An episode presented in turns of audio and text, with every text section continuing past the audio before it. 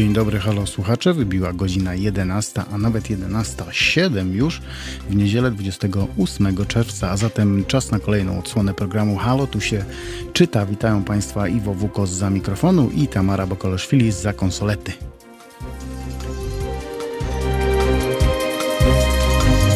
Halo Radio.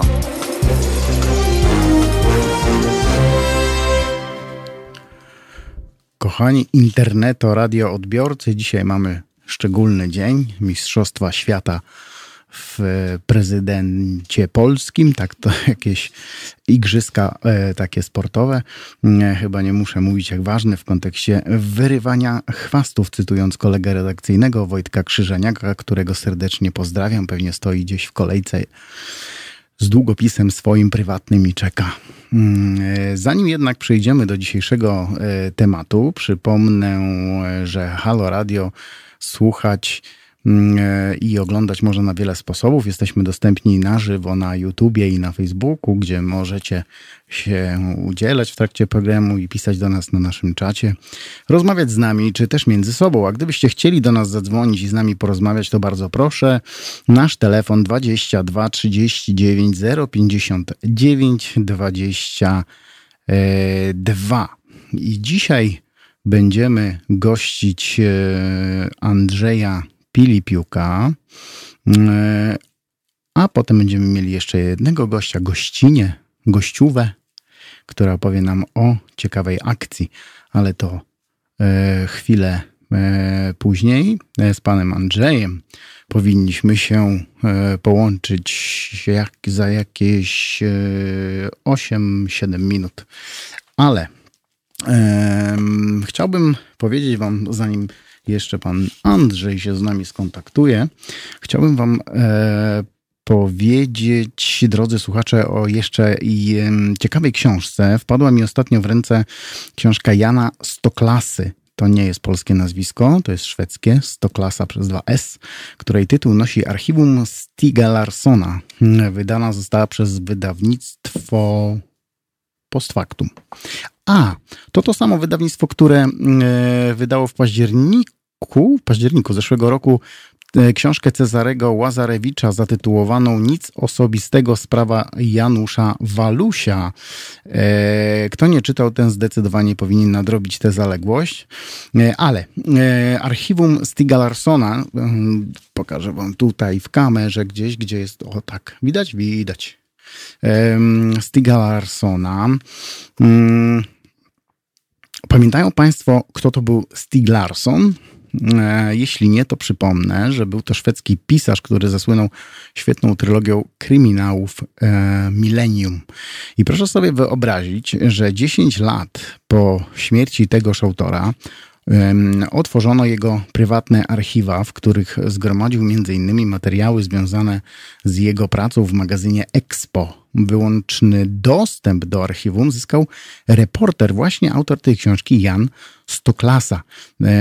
To taki były szwedzki dyplomata i biznesmen, a potem zachciało mu się być dziennikarzem. Kto bogatemu zabroni. W 20 kartonowych pudłach odkrył nieznany e, życiowy projekt Larsona, czyli śledztwo dziennikarskie dotyczące śmierci premiera Szwecji Olafa Palmego, jednego z najbardziej znanych i, zarazem kontrowersyjnych polityków ówczesnej e, Europy, który zginął zastrzelony na ulicy w Sztokholmie, a okoliczności tego morderstwa do dziś nie zostały mm, oficjalnie wyjaśnione. I co ciekawe, te wszystkie zebrane przez Larsona materiały układają się e, w przekonującą teorię dotyczącą tego, w jaki sposób zaplanowano to zabójstwo i kto za nie odpowiada. Jest to naprawdę fascynująca opowieść o śledztwie Stiga, e, Stiga Larsona, o tym, jak pracował nad rozwiązaniem zagadki, z którą nie poradziła sobie policja. E, Jan Stoklasa analizuje w tej książce materiały bogatego śledztwa Larsona, a teoria śmierci Palmego znów układa się w spójną całość, więc Stoklasa podąża jej tropem. I uwierzcie mi na słowo, że finał będzie zaskakujący. E, świetna książka, bardzo mocno polecam, choć nie jest to e, nowa publikacja, bo jak dobrze pamiętam, ukazała się ona w listopadzie 2018 roku. Na pewno dostępna jest też w formie e-booka, więc dla miłośników książek elektronicznych również jest opcja zapoznania się z tym tytułem. E, w jednym z listów do gazety e, Searchlight to jest chyba brytyjska gazeta Searchlight, e, Stig Larsson napisał tak. Zabójstwo szwedzkiego premiera Olafa Palmego to mówiąc szczerze jedno z najbardziej nieprawdopodobnych i niebywałych morderstw, jakim kiedykolwiek przyszło mi się niestety zajmować. E, nie wiem, czy Państwo pamiętają to słynne zabójstwo, ale będę, będę o nim też mówił w jednym z odcinków nowego programu, który pojawi się na antenie Halo Radio, czyli Halo Zbrodnia. E, ruszy prawdopodobnie już 28 lipca w godzinach nocnych, czyli od 23 do 1. E, oczywiście zapraszam na ten program wszystkich e, tych, którzy o tej porze z jakichś powodów nie śpią, a nawet tych, którzy lubią spać, ale chcieliby zarwać dwie godziny nocne na program o słynnych morderstw, mordercach, morderstwach, i spiskach na, na ludzkie życie. W pierwszym odcinku zajmiemy się zabójstwem Johna Fitzgeralda Kennedy'ego i wtedy powiem wam, jak nazywał się faktyczny zabójca JFK, e, dlaczego prezydent Stanów Zjednoczonych został zabity i jaką rolę w tym wszystkim pełnił Lee Harvey Oswald. Mm, a kto nie może lub nie chce zarywać nocy, zawsze będzie mógł odsłuchać podcastu proszę zatem pamiętać każdy wtorek w godzinach 23.01, począwszy od 28 e, lipca. Nowy program cykliczny Halo Zbrodnia. To taka polecajka. Ta książka wpadła mi ostatnio e, w, w łapska i postanowiłem się zapoznać. Tym bardziej, że ten tytuł jest bardzo ciekawy. Nie dość, że archiwum Stiga Larsona, to jeszcze niewyjaśnione morderstwo mm, i zaginione archiwa, nowe fakty w sprawie e, zabójstwa Olafa Palmego. Naprawdę polecam. E, słuchajcie, byliście na e, wyborach. Tamara, czy ty głosujesz? Nie głosujesz? Nie możesz? Kto nie był, to, to teraz nie może iść, bo musi słuchać Halo Radio, ale jak się skończy o 13, to proszę brać długopisy i e, lecieć. E, Mistrzostwa Świata, Julek napisał chyba w kontekście tego, co powiedziałem, Mistrzostwa Świata obłudy. E, no, to są Mistrzostwa Świata prezydentów. Mistrzostwa Polski, przepraszam, to nie są Mistrzostwa Świata, to są Mistrzostwa Polski na prezydenta. Więc taka nasza wewnętrzna jakby to powiedzieć, olimpiada. Zobaczymy, kto będzie, kto będzie zwycięzcą. Jakoś tam sobie damy, e, damy radę. Musimy sobie e, dać radę. Tutaj słyszałem, że nasi koledzy mm, redakcyjni pobiegli głosować. W jednych miejscach kolejki są przeogromne. Ktoś tu się zastanawiał nawet z naszych redakcyjnych kolegów, czy stać w tej stuosobowej kolejce, żeby oddać głos, czy pójść do pracy. No wybór trudny poniekąd, ale myślę, że e, Krzysztof A napisał, że to raczej paraolimpiada. No, coś w tym jest. E, ktoś z naszych kolegów, jak mówię, zastanawia się, co jest ważniejsze, ale myślę, że nawet jeśli do pracy się ktoś dzisiaj spóźni, czy nie przyjdzie, bo będzie stał w kolejce, no to będzie mu to darowane, bo e, w końcu, e, bo w końcu jest to jakiś przecież obowiązek nasz. Więc można mieć jakiś L4. O, tu się, tu będzie e, L4. Dobra. E, mówiłem wam o tym, że mamy dzisiaj dwoje gości. Dwoje, nie dwóch, nie dwie, tylko dwoje. Mm, e, I pierwszym naszym gościem jest Andrzej Pilipiuk, pisarz fantazy i publicysta, laureat Nagrody Literackiej imienia Janusza Zajdla, jednej z najważniejszych nagród literackich w Polsce. Znamy go m.in. z cyklu o Jakubie Wędrowyczu, wielotomowej powieści fantastycznej Oko Jelenia, czy też e, z wielu tomów świetnych opowiadań. Dzień dobry, panie Andrzeju. Witam serdecznie. Był pan już na wyborach, czy dopiero pan się wybiera? No, byłem z samego rana, żeby uniknąć kolejek i żeby mieć lokal wyborczy jeszcze w miarę odkażony. Aha, e, czyli nie było korespondencyjnie to raz, a dwa kolejek też nie było. No, uniknąłem. E, no to teraz zostaje czas, aby cieszyć się spokojem niedzielnym i piękną pogodą. Mm, pozwoliłem... No u nas w Krakowie też niezła, także Aha. jakoś się wykorzysta. Pozwoliłem sobie pana zaprosić do rozmowy w związku z niedawną premierą pana nowej książki Upiór w Ruderze, którą tutaj też mam i pokażę ją teraz, bo tam można nas oglądać, więc o, tak. Która, jak głosi napis na okładce, jest straszliwą historią o duszach przez wieki pokutujących, jednak strachu tam e, no niewiele, bo choć bohaterowie, których przewija się tam całe mnóstwo, boją się duchów, to jednak jest to kolejna pana książka z gatunku satyry, prawda? Znaczy powiem tak, jest to taki horror na wesoło. Oczywiście pod e, e, płaszczykiem horroru dowalam tam nazistom, NKWdystom, komuchom, generalnie wszystkim, których nie lubią. Historia przewija się tak przez różne epoki i różni nasi ciemiężcy i okupanci dostają równo w tyłek. No właśnie, tam jeszcze pa, pana zapytam o to dowalanie wszystkim, ale mówi się, że każdy pisarz ma swoją ulubioną formę literacką, e, ale pana rozwija się e, Pan, pan rozwija swój talent w wielu kierunkach, e, bo i pisał pan klasyczne fantazy przecież i fantastyczno-przygodowe książki dla młodzieży, ale też książki dla dzieci. Mówię tu o serii książek Pan Samochodzik.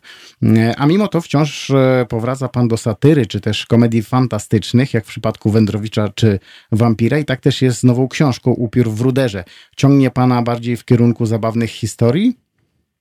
Znaczy ja staram się stosować przy pisaniu płodozmian. Jak napiszę coś na poważnie, to potem piszę coś na wesoło, żeby tak nie popadać w rutynę, żeby samemu też złapać oddech, złapać troszkę dystans do rzeczywistości. E, generalnie taką satyrę fantastyczną lubię uprawiać. W Polsce jest to jednak bardzo rzadki gatunek. E, I czytelnicy też, też lubią. Też lubią czasami poczytać coś takiego troszkę bardziej na wesoło, a czasem lubią na poważnie, więc staram się dostarczać jednym i drugim to, czego lubią. A to nie jest tak, że jak pan pisze pan na wesoło, to zaraz się e, skrzykują krytycy, że jest zbyt wesoło. Jak pan pisze na poważnie, to że woleliby wędrowycza. Nie jest tak, że nikomu nie podpasuje? Nie zaobserwowałem, szczerze mówiąc. Znaczy wiadomo, że no jedni czytelnicy lubią jedno, inni lubią drugie, ale nie zetknąłem się nigdy z jakimiś takimi opiniami, żebym przestał pisać wędrowycza i skupił się na rzeczach poważnych, czy żebym przestał pisać te poważne smutactwa, tylko skupił się na wędrowyczu. No to jest tak. wydaje, mi się, wydaje mi się, że czytelnicy chcą i tego, i tego. A z tym wędrowyczem to też ciekawa historia, bo to chyba um, najlepiej e, chwytana przez czytelników książka, najczęściej, prawda? No tak, ale powiem, Pierwszy tom ukazał się 19 lat temu, a pierwsze opowiadanie 25 lat temu, więc. E, Czyli powoli docierało do ludzi. Powoli. I tutaj Wędrowicz jak gdyby już zapracował na swoją, ram, na swoją markę przez te wszystkie lata. W tym momencie już przypuszczam, czytają dzieci moich pierwszych czytelników. No, tak. Przez tyle lat. Z tym, że Wędrowicz był już wszędzie, robił już wszystko bił się z każdym, więc jeśli ma pan pomysł na kolejną książkę e, z Wędrowiczem, no to może być e, jeszcze bardziej ciekawie, bo ja już sam nie wiem, e, gdzie można jeszcze Wędrowicza wysłać. Znaczy powiem tak, że myślę już nad dziesiątym tem, już pomalutku zaczynam sobie kompletować fabuły, pomału się zastanawiam nad tym, jak to napisać. Mogę zdradzić jeden pomysł. Proszę bardzo. Mogę zdradzić jeden pomysł opowiadania na Wędrowyczu. Moskwa, 42 rok, grupa studentów Fakultetu Medycznego oblewa egzamin, w związku z czym mają trafić na front, ale rektor się nad nimi lituje i daje im ostatnią szansę. Kolekcja dydaktyczna instytutu jest bardzo już przetrzebiona. Jeśli do września każdy z nich dostarczy 5 kg niemieckich szczęk z ciekawymi wadami zgryzu, to dopuszczą ich do sesji poprawkowej. I tak powstaje stomatologiczny sztraf batalion, dentystyczny batalion karny. Najdziksza, najokrutniejsza, najbardziej zwyrodniała jednostka Armii Czerwonej. No to będzie ciekawe, to ja czekam. Kiedy to ma być? 2021 ponoć, tak? Myślę, że tak, że na koniec 2021 będę tak celował no jednak muszę napisać co najmniej 25 opowiadań o Wędrowiczu, no i tak faktycznie wymyślić mu nowych wrogów, nowe zadania, może nowych przyjaciół, żeby było coś jednak choć trochę świeżego. Może jakąś Już. dziewczynę mu podrzucić. Biedna dziewczyna. Pomyślimy. Dobrze, ale wracając do upiora w ruderze, e, przy lekturze tej nowej książki można się uśmiać do łez, oczywiście, e, co bardzo sobie cenię akurat w takich w tych książkach i w tej. Ale uwaga zwraca przede wszystkim ciekawy język. Zabiera pan przecież czytelnika w podróż przez 235 lat, od 1812 do 2047. I każda epoka jest nie tylko nacechowana odpowiednimi artefaktami, ale też odpowiednią formą języka polskiego. Taki zabieg jest dla Pana ważny przy tworzeniu nowej powieści? Pytam, bo wielu autorów woli raczej używać języka współczesnego ze względu na to, co piszą, kiedy i gdzie osadzają fabułę. Znaczy ja powiem tak, to jest pisane językiem współczesnym, tylko dorzucam niewielką ilość archaizmów, niewielką ilość zwrotów, które pochodzą z danej epoki i to w zasadzie wystarcza, żeby czytelnik odczuł taką pewną obcość języka, właśnie archaizm. E, to jest wrzucone w zasadzie tylko w dialogach. I wystarczy taki lekki polor, żeby już czytelnik załapał, że to się dzieje w danej epoce. No właśnie, szczególnie, szczególnie zaraz na e, samym początku w Liszkowie w 1812, gdzie e, trzy dziewoje próbują wystrzelić na próbę z armaty skonfiskowanej chyba w trakcie potopu, tak? Jak dobrze pamiętam. Znaczy w czasie wojny północnej, wprawdzie, ale Szwedom. Tak. tak. I tam jest, e, no oczywiście, jak, jak to może się um, zadziać, kiedy trzy dziewoje nie mające pojęcia, jak strzelać z armaty, w dodatku w małej, ciasnej klitce, jakim jest jakaś jaskinia, czy, czy jakoś tak to tam... Taki dworski, dworski lamusik, a dziewczyny mają prochu całą beczkę, więc uważam, no. że nie należy żałować, tylko sypać w opór do końca lufy. Aha. I chyba nie będzie to spoilerem, kiedy powiemy, że mm, e, dziewczyny krótko potem e, stają e, na, na sądzie, tak? I, I, muszą wrócić jako duchy.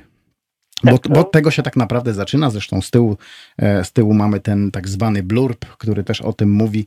E, no i te dziewuchy tak naprawdę są tam ważnym elementem tej, tej książki, aczkolwiek też bardzo przebiegłe, sympatyczne i, no i śmieszne. Dostarczają nam bardzo dużo mm, zabawy. Kto lub co jest głównym bohaterem tej książki? Bo sądząc właśnie po opisie, byłem pewny, że są to te trzy główne bohaterki, które są duchami, ale tych bohaterów jest tam cała masa, bo przecież e, przez, przez różne epoki pan przeciąga e, czytelnika, a na koniec stwierdzam, hej, toż głównym bohaterem tej postaci jest pałac w Liszkowie. Mm, poniekąd tak. Znaczy, trudno nazwać pałac tutaj bohaterem, to jest jakby główne tło. Natomiast y, faktycznie zrobiłem celowo taki zabieg, że w zasadzie w każdym opowiadaniu, z wyjątkiem dwóch pierwszych, pojawia się nowy, nowy garnitur, nowy garnitur bohaterów. Tam się przewijają postacie trzecioplanowe, jak stary kamerdyner Nepomucen mhm. E, oraz e, trzy nieżyjące bohaterki. Natomiast e, zasadniczo do każdej epoki tworzyłem nowych bohaterów głównych i dostarczałem im rozmaitych, prawda, przygód i interakcji z tymi duchami. No i ten kamerdyner, trzeba powiedzieć, że to jest bardzo sprytny i elokwentny człowiek daje radę, e, mimo tych, tej, tej wszelkiej zawieruchy, bo tam różni przecież ludzie się pojawiają w tym, w tym pałacu, w tym zamku. E, pamiętam książkę pewnego polskiego e, autora, albo nie, inaczej. Zapytam pana, skąd wziął się upiór w ruderze? Czy to był po prostu pomysł na kolejną fabułę zrodzony od tak, czy może inspiracją było coś innego? Sam odniosłem wrażenie, że książka momentami nawiązuje, to jest tylko moje oczywiście spostrzeżenie, troszeczkę do mm, e, Lovencrafta, Blackwooda, czy nawet Hope Hodsona, a prawdę mówiąc i Szekspira można się tam doszukać, choć oczywiście u Pana podane to zostało z przymrużeniem oka. Nie, nie doszukiłem się aż tak, aż tak głębokich inspiracji. Nie e, inspiruje się pan takimi. Chodzi, chodzi mi o ten zamek, o te duchy, o, to, o tą walkę, o ten, o ten dramat, który tam był. To takie typowe dla tamtych, dla tamtych pisarzy. E, Czytałem ich, e, czytałem trochę klasyki, klasyki grozy, ale powiem, zaczęło się to od tego, że czytałem o łańcucie. W łańcucie, jak wiadomo, jest ten piękny pałac wielki, a po drugiej stronie osady była fortalicja Stanisława Stadnickiego, zwanego Diabłem. Mhm, o którym pisał pański o którym kolega. pisał z kolei tak Jacek Komuda. Mhm. No i na, w XIX bodajże wieku na ruinach tej, bo, e, tej twierdzy diabła łańcuckiego miejscowy proboszcz postawił kościółek. Żeby przyklę, przeklęte miejsce jak gdyby przypieczętować. Ja sobie wtedy wyobraziłem taką fabułę, że e, duch Stadnickiego, który straszy w ruinach tego zamku, wygnany prawda, przez postawienie kościoła, zaczyna sobie szukać nowego lokum i postanawia się wprowadzić do pałacu, a tam straszą już miejscowe duchy, którym takie towarzystwo wcale nie odpowiada. I to była taka pierwsza, pierwsza idea. Ja nad tym sobie myślałem przez kolejne bodajże 4-5 lat. I w końcu z tej pierwotnej koncepcji został tylko pałac i duchy, które w nim straszą. Okej. No i e, to dobrze, no to rozumiem, że e, wcześniej, wcześniej słuchałem pańskich wywiadów i rozumiem, że często pan jeździ w poszukiwaniu pomysłów, ewentualnie w sprawdzaniu tych pomysłów, tak? Jeśli ma pan jakiś pomysł, jedzie pan, musi pan coś zobaczyć, musi pan czegoś dotknąć, o czymś się dowiedzieć. Nie jest tak, jak część autorów robi, siedzą przed Google i e, sprawdzają informacje w komputerze, tak? Znaczy, u mnie jest zazwyczaj odwrotnie. Najpierw gdzieś pojadę, a potem zac- zaczynam się zastanawiać, jakby w to fajne miejsce, które zobaczyłem, wsadzić jakąś fabułę. Okej. E, Faktycznie przy pisaniu Oka Jelenia robiłem taki research, że jeździłem po tych miejscach, które, gdzie chciałem osadzić fabułę, a których e, wcześniej nie miałem okazji odwiedzić. Dobrze, panie e, Andrzeju, tutaj jeszcze mamy e, czat na naszym YouTubie i no nie mógłbym tego, mm, nie mógłbym to pominąć. Muszę, muszę tutaj panu przekazać informację czy wiadomość od naszych słuchaczy. Mm, e, Dot K pisze pozdrowienia dla pana Andrzeja. Słucham słucham z mezem. Oboje uwielbiamy pana książki. Kornel Wawrzyniak e, prosi, aby przekazać ukłony panu Filipiukowi. Lektura przygód wędrowicza dostarczyła mu wiele zabawy. Mm, e, Tutaj jest też dyskusja, co jest lepsze, papier czy, czy audiobook. E, Jak, a jak to jest u pana? Pan e, czyta audiobooki, czy woli pan papier? Znaczy wolę zdecydowanie E-booki, papier. e-booki. Papier, Papier. tak? Papier, Dobra. tradycyjne medium. Mhm. Ja już jestem starym człowiekiem, 45 lat, nie nadążam za tą nowoczesnością. No, jakieś e, e, 300, 400, może trochę więcej lat temu, 45 lat, to już bardzo starym człowiekiem byłby pan. Dzisiaj jest pan bardzo młodym człowiekiem. Te, ta granica się przesuwa. Pamiętam książkę pewnego polskiego autora Sergiusza Piaseckiego, który mm, pisał mieszkając e, bodajże w Anglii. E, Pisał satyrę, jechał równo nie tylko po komunistach, ale też katolikach, żołnierzach AK, złodziejach, nie oszczędzał nikogo, choć robił to w bardzo subtelny sposób. Wylewano na niego wiadro pomyj e, z każdej strony, twierdząc, że jest anarchistą, a pan w swojej nowej książce nagrawa się również ze wszystkich jak leci, z partyzantów, bo trzeba powiedzieć, że tam wśród tych partyzantów też jest trochę ludzi takich o tym niższym ilorazie inteligencji, bolszewików, szlachty, komunistów, faszystów, kapitalistów, historii kobiet, mężczyzn, a nawet naszych narodowych kompleksów. Nie bał się pan ataków ze strony czytelników? Są przecież tacy, którzy no, nie mają humoru i wszystko biorą na bardzo poważnie. Czy powiem tak, e, akurat tym naszym partyzantom tak skromniutko, skromniutko przywaliłem, bo to głównie chodziło o to, żeby pokazać, że jednak Polak jest cwany i sobie z okupantem jest w stanie poradzić, nawet jak nie ma za dużo broni i amunicji. Wystarczy, że ma Natomiast- młotek, prawda? Wystarczy, że ma młotek, tak. E, No tam jest ten zabawny kawałek, gdzie zostawiają fałszywe ślady i piszą napis cyrlicą na ścianie, ale to nie będę zdradzał. Tak, tak, tak, jest. No, nie znali rosyjskiego, więc napisali pierwsze zdanie, które im przyszło do głowy. Natomiast e, tak zasadniczo ja wiem, czy jakieś narodowe kompleksy tam odreagowuje? Chyba nie. To jest taka powieść, powiedziałbym, patriotyczna. No, okupanci dostają w tyłek. No, tych okupantów to tam jest cała masa przecież. Tak. Czy żywi, czy martwi, mieszkańcy Liszkowa z okupantem walczą do upadłego. Mhm. A właśnie ten Liszków, bo e, osadził pan fabułę e, książki wokół Lublina, tak? Mhm. Pewnie, pewnie bym na to nie zwrócił e, szczególnej uwagi, gdyby nie fakt, że tamte tereny są zarówno panu, jak i mi bardzo bliskie. Pana ojciec bodaj był carskim policjantem w Zamościu, tak? Mój pradziadek. Pradziadek, przepraszam, przepraszam. tak stary nie jest. Tak, tak, tak.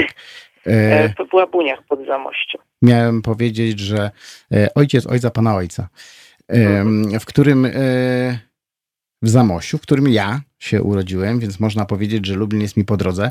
Wybrał pan tamte tereny z sentymentu, czy może po to, aby uwiarygodnić historię partyzantów, którzy, no tam było przecież ich najwięcej, a którzy są też mocną stroną tej powieści?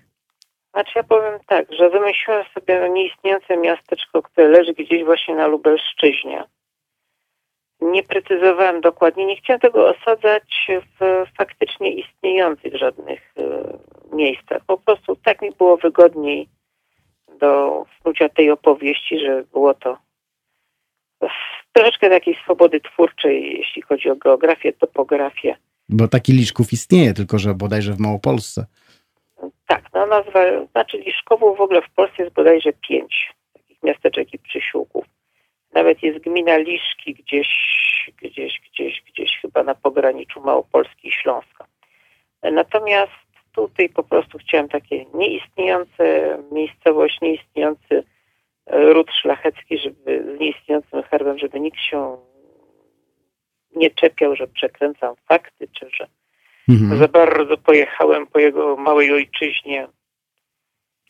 Myślę, myślę, że akurat e, w Pana e, przypadku to raczej byłoby, ludzie by byli zachwyceni, że ktoś zwrócił uwagę, że taki autor zwrócił uwagę na ich miejscowość. Myślę, że raczej patrzyliby na to z dumą, niż jakby mieli się gdzieś tam obrażać. E, to nigdy nie można tak do końca przewidzieć. Także tutaj wolałem tak troszeczkę, troszeczkę ostrożniej, zwłaszcza, że no władze, władze gminy tam mhm. Też ukułem celnie, żądłem satyry. No tak. Sądząc e, po tym, jak wiele pańskich książek doczekało się kontynuacji, pewnie już pan wie, o co zapytam, e, możemy liczyć na to samo również w tym przypadku, bo przecież panienki liszkowskie mają nowych okupantów pod dachem. Znaczy nie, wydaje mi się, że to jest zamknięta całość.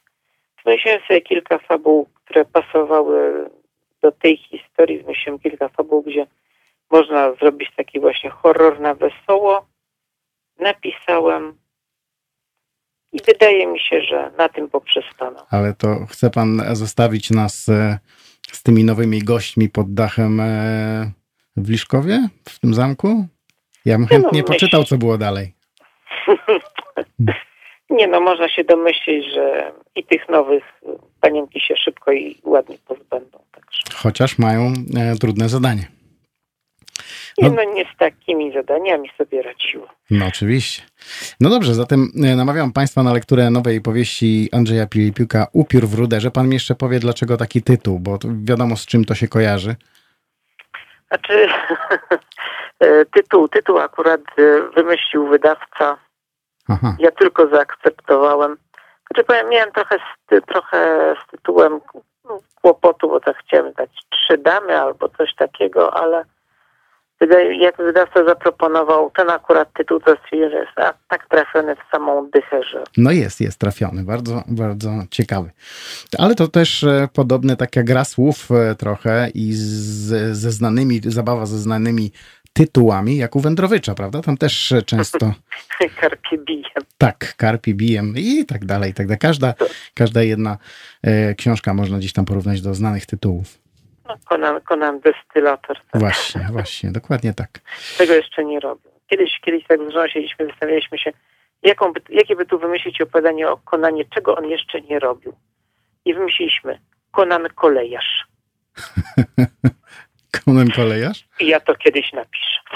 No dobrze, to czekamy na Konana Kolejarza. E, daję wam, kochani e, słuchacze, gwarancję, że się nie zawiedziecie. Książka jest po prostu świetna, dużo humoru, bardzo ciekawa fabuła. E, I ogromna ilość bardzo ciekawych bohaterów. Tu jest naprawdę dużo tych bohaterów. E, a w dziewczynach tej książki, czyli Marcelinie, Lukrecji i Corneli, dobrze mówię, e, z, powinniście się zakochać. Są naprawdę urocze, chociaż mają różne dziwne pomysły. Panie Andrzeju, a słyszał Pan o akcji Autor też Człowiek wydawnictwa Fabryka Słów? Tak, będę brał udział w czacie, który jest zaplanowany. Dobrze, napomnę jedynie słuchaczom, że jest to akcja, która ma zwrócić uwagę recenzentów książek na to, aby skupili się na książkach, a nie na autorach, których często obrażają, kiedy im się książka nie spodoba. Spotkał się pan już z taką sytuacją, że recenzent skreślił na szybko kilka zdań na temat pańskiej książki, że jest, dajmy na to, słabia, słaba, głupia i bez sensu, po czym przeszedł do ataku na pańską osobę? Znaczy miałem takie, taki problem po wydaniu e, zbioru takich moich felietonów podróżniczych o Skandynawii, raport z północy. Tam faktycznie e, ludzie sobie bardzo dużo dośpiewali, przypisywali mi poglądy, których nie posiadam. E, generalnie zetknąłem się z takimi atakami, atakami, atakami, takimi kompletnie bez sensu przez ludzi, którzy książki albo nie czytali, albo nie zrozumieli. No i powiem, trochę mnie to ubodło. Mhm. No tak, no. To jest, jak tutaj mówili mi w, w wydawnictwie, gdyby e, tak obrażać e, młodych e, pisarzy, to prawdopodobnie ich kariera szybko by się skończyła, bo by się zrazili do, do tego, jaki jest efekt ich pisania. Znaczy, ja powiem tak, ja patrzę sobie na wyniki sprzedaży i. I to wystarczy. Jakoś mi to tak, jak plaster na ranę, no, no właśnie, no tak. No w końcu to jest nasza praca. Jak jest dobrze wykonana praca i dobrze za nią płacą, to jest to wszystko gra. A zawsze się znajdzie ktoś, kto powie, a tak. idź pan stąd. E, to ja pa... szczekają, karawana idzie. Dokładnie tak. A to ja zapytam pana e, o coś z innej strony. Pewnie wiele razy mm, zadawano panu pytanie, z której książki jest pan najbardziej dumny, zgadza się? E, często padają takie pytania? Znaczy czasem się zdarza. Znaczy ja powiem tak, e, wydaje mi się, że tak e, najbardziej jestem zadowolony e, z Oka Jeleni. O. To była A... książka, w którą włożyłem bardzo dużo wysiłku, żeby zrobić research, żeby sprawdzić wszystkie, wszystkie możliwe szczegóły, detale, realia miejsca. Mhm. Wydaje mi się, że fabularnie też ogarnąłem temat.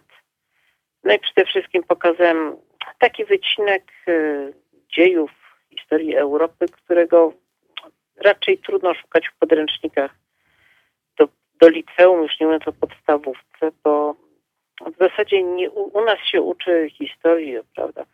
Wodzowie, bitwy, wojny, natomiast pomija się jakby cały ten aspekt gospodarczy. Ja opisałem Hanzę, opisałem likwidację kantoru hanzeatyckiego w Bergen, ten moment przełomowy, kiedy w zasadzie Hanzie wybito ostatnie zęby. Mhm. Pokazałem no, schyłek organizacji, która przez 500 lat trząsła gospodarką całej północnej Europy, kontrolowała 400 miast, obszar zamieszkany przez ponad milion ludzi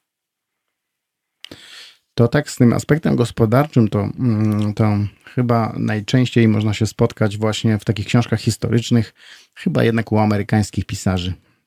Bo tak jak pan mówi, tutaj w Europie to zazwyczaj są bitwy, wojny, bohaterstwo wielkich ludzi. Rzadko, rzadko kiedy mm, przedstawiani są tacy zwykli ludzie, mieszkańcy, którzy muszą się gdzieś tam, e, muszą być zaradni, no, żeby przeżyć w, tym, w tych trudnych czasach, jakie były powiem tak. E, mnie tak e, zawsze w książkach historycznych denerwowało, że bohater idzie przez miasto i spotyka wszystkich ważniejszych ludzi, którzy żyli w tej epoce w danym miejscu. A to tak, ale to jest taki podkreślnik tych czasów, w których został osadzony bohater, prawda? Tak. A u mnie, u mnie na sześć tomów bohaterowie spotykają kompletnie dziś zapomnianego syndyka Hanzy Henricha Sudermana, i raz spotyka, jeden z bohaterów spotyka burmistrza Gdańska, z którym rozmawia z nim wszystkiego trzy minuty. I to jest, i, i, i już czu, czuli się ważni, prawda? Ci bohaterowie. Tak, to już jest tak, to już jest ten moment, kiedy... A tam jeszcze na schodach chyba się spotykają w jakiejś... E, tak, znaczy mija, mija, mija syndyka Nie wiedząc, że to... to jest. Tak, tak, tak. Dobrze, ale właśnie, bo ja zadałem panu te pytanie, sądząc, że pan nie będzie chciał na nie odpowiedzieć, bo ja bym na przykład nie odpowiedział, bo uważałbym, że wszystkie książki są ważne, ale ja poproszę pana o przyznanie się, którą swoją książkę lubi pan najmniej, którą z nich chciałby pan napisać raz jeszcze i od nowa i zrobiłby pan to zupełnie inaczej. Znaczy powiem tak, e, chętnie bym napisał od nowa norweski dziennik.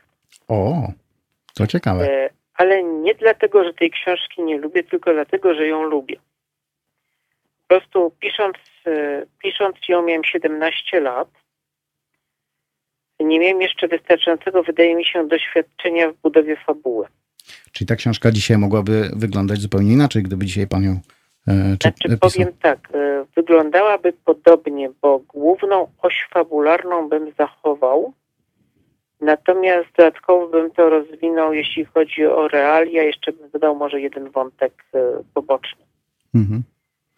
Ale to wydaje mi się, że nie ma sensu, nie ma sensu wchodzić po raz kolejny do tej samej rzeki.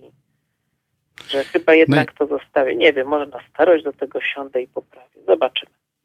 E, Panie Andrzeju, pozwolę sobie e, przytoczyć pytanie jednego ze słuchaczy e, odnośnie opowiadań, bo pisze Pan ich bardzo dużo, a konkretnie ich zakończeń. Czasem są, jak pisze Pan Krzysztof, czasem są troszeczkę rozczarowujące, delikatnie mówiąc. Akcja na 30 stron, a zakończenie w trzech zdaniach. I Krzysztof tenże pyta, brak pomysłu, czy jednak konsekwencja w trzymaniu się formy opowiadania? Znaczy, powiem tak, ja lubię czasem zostawić e, na koniec pewne niedopowiedzenie, że czytelnik sobie sam mógł nad tym posiedzieć i pomyśleć, co mogło być dalej. Natomiast e, wydaje mi się, że ta opinia, że urwane zakończenia jest troszkę może przesadzona jednak. Ale wie, wie, pan, nie wszyscy lubią e, takie zostawianie takich, e, takich niedopowiedzeń, bo często się słyszy właśnie głosy, że, że to jest rozczarowujące. Ludzie jednak lubią, jak jest im podane na tacy, tak? Jak przez całą fabułę wdraża pan te wszystkie e, osoby, przygody e, w umysł czytelnika, więc i zakończenie pewnie by chcieli, żeby było konkretnie i na temat. Znaczy, jak daję zakończenie konkretnie na temat, to też psioczą. Także no tutaj. No cóż. Czytelnik, jest... czytelnik ma zawsze rację. Nie, no jakbym mówił, że czytelnik ma zawsze rację i zaczął pisać pod czytelnika, to tak jakby no zupełnie nie tędy droga. Ja zawsze staram się pisać książki, które sam chciałbym przeczytać. A to jest ważne. A czytelnicy się ustawiają albo po prawej, albo po lewej stronie, albo mi się podoba, albo mi się nie podoba. Ewentualnie z pośrodku, z małym ale na końcu. Ewentualnie tak. Także tutaj wydaje mi się, że to jest, e, to jest najlepsza formuła. Ja jestem przeciętnym człowiekiem, blisko mi do jakiejś tam średniej statystycznej populacji, więc i czytelników mam podobnych do siebie, jakichś takich e, a w związku z książką Upiór w ruderze, e, spotkania autorskie jakieś e, odbędą się w związku z, z tą książką, czy raczej tylko online teraz pan funkcjonuje? No, w tym momencie jeszcze, jeszcze online. Zobaczymy, jak będzie jesienią. Okej. Okay. Niestety ta epidemia bardzo pokrzyżowała mi wiele planów. Mm -hmm. A tęskni pan za spotkaniami z czytelnikami twarzą w twarz? Stephen King powiedział kilka lat temu, dość na, bodajże trzy lata temu, e, wy, wypalił z nienacka, co wszyscy byli zdziwieni, że nie lubi spotkań z czytelnikami, bo oni ponoć wciąż zadają te same pytania, a ci, którzy nie mają nic do powiedzenia, przychodzą jedynie po to, żeby zrobić sobie selfie z autorem. A pan? Znaczy ja powiem tak, ja wychodzę z założenia, że spotkania z czytelnikami to jest po prostu część mojej pracy. Mhm. E, skoro czekają, no to wypada, wypada pojechać ich odwiedzić. E, jeśli zapraszają, no to jadę. E, natomiast niewątpliwie jest to przyjemne, bo człowiek widzi ludzi, dla których pisze. Jasne, pytania czasem są te same. Odpowiada się już wtedy tak trochę z automatu. Natomiast czasem zawsze pojawi się jakieś nowe pytanie, albo ktoś chce wiedzieć coś konkretniejszego i takie pytania, takie pytania budują klimat y, każdego spotkania. Także tutaj powiem, jasne, że no powiem, no jechać na drugi koniec kraju, no to jest zawsze ten dzień, dwa stracone, choć pracuję też w podróży, mam laptopa i sobie na nim stukam. Natomiast wydaje mi się, że po prostu wypada, wypada. Skoro ludzie wyłożyli swoje ciężko zarobione pieniądze na moją książkę, no to trzeba ich szanować. No zgadza się. Tak, to gdzie teraz będzie można Pana spotkać online i kiedy? Jest jakieś zaplanowane jakieś spotkanie online? Na razie chyba nie. Poza tym panelem na stronach fabryki słów właśnie, czy autor też człowiek, mhm. to wydaje mi się, że aż do jesieni nic się kolejnego nie szykuje. No okej. Okay. No chciałam zaprosić serdecznie wszystkich na spotkania, a jak, ale jak ich nie ma, jak się nic nie szykuje, no to będziemy czekać. E, pracuje pan na czymś obecnie, tak konkretnie, oprócz wędrowycza? No tak, rozgrzebałem 12 zbiór opowiadań bez Jakuba. Okej, okay, fajnie, świetne są, opowiada. Zresztą te ostatnia, ostatnia z wydania tych mają świetną, świetne okładki też, to po prostu mhm, kapitalnie tak. są wydane. Robi klimat. E, mam gotowe, gotowe opowiadanie, które zajmie tak około jednej czwartej objętości tego zbiorku o, tym, jak młody doktor Skórzewski e, próbuje zarobić na wyjazd na studia medyczne do Petersburga. Mhm. I w wieku lat 16, jeszcze nie będąc lekarzem, rozwiązuje pierwszą, pierwszą zagadkę medyczną. A właśnie, o tym e, doktorze, bo chyba ukazała się też taka kompilacja wszystkich e, opowiadań z doktorem, prawda? Ale ona jest chyba tylko na e, e-booku czy audiobooku? Tylko, tylko w postaci e-booka chwilowo. Zobaczymy, no jeśli będzie duże zainteresowanie, to myślę, że wydawcy wcześniej czy później wydadzą to też na papierze. No myślę, że to by był fajny pomysł. Zebraliśmy wszystkie opowiadania o doktorze, wyszło tego nieco ponad 900 stron. Ło, to ogrom. A e, tytuł poproszę? Ha, ha, ha, że to ja pamiętam. Zielona okładka.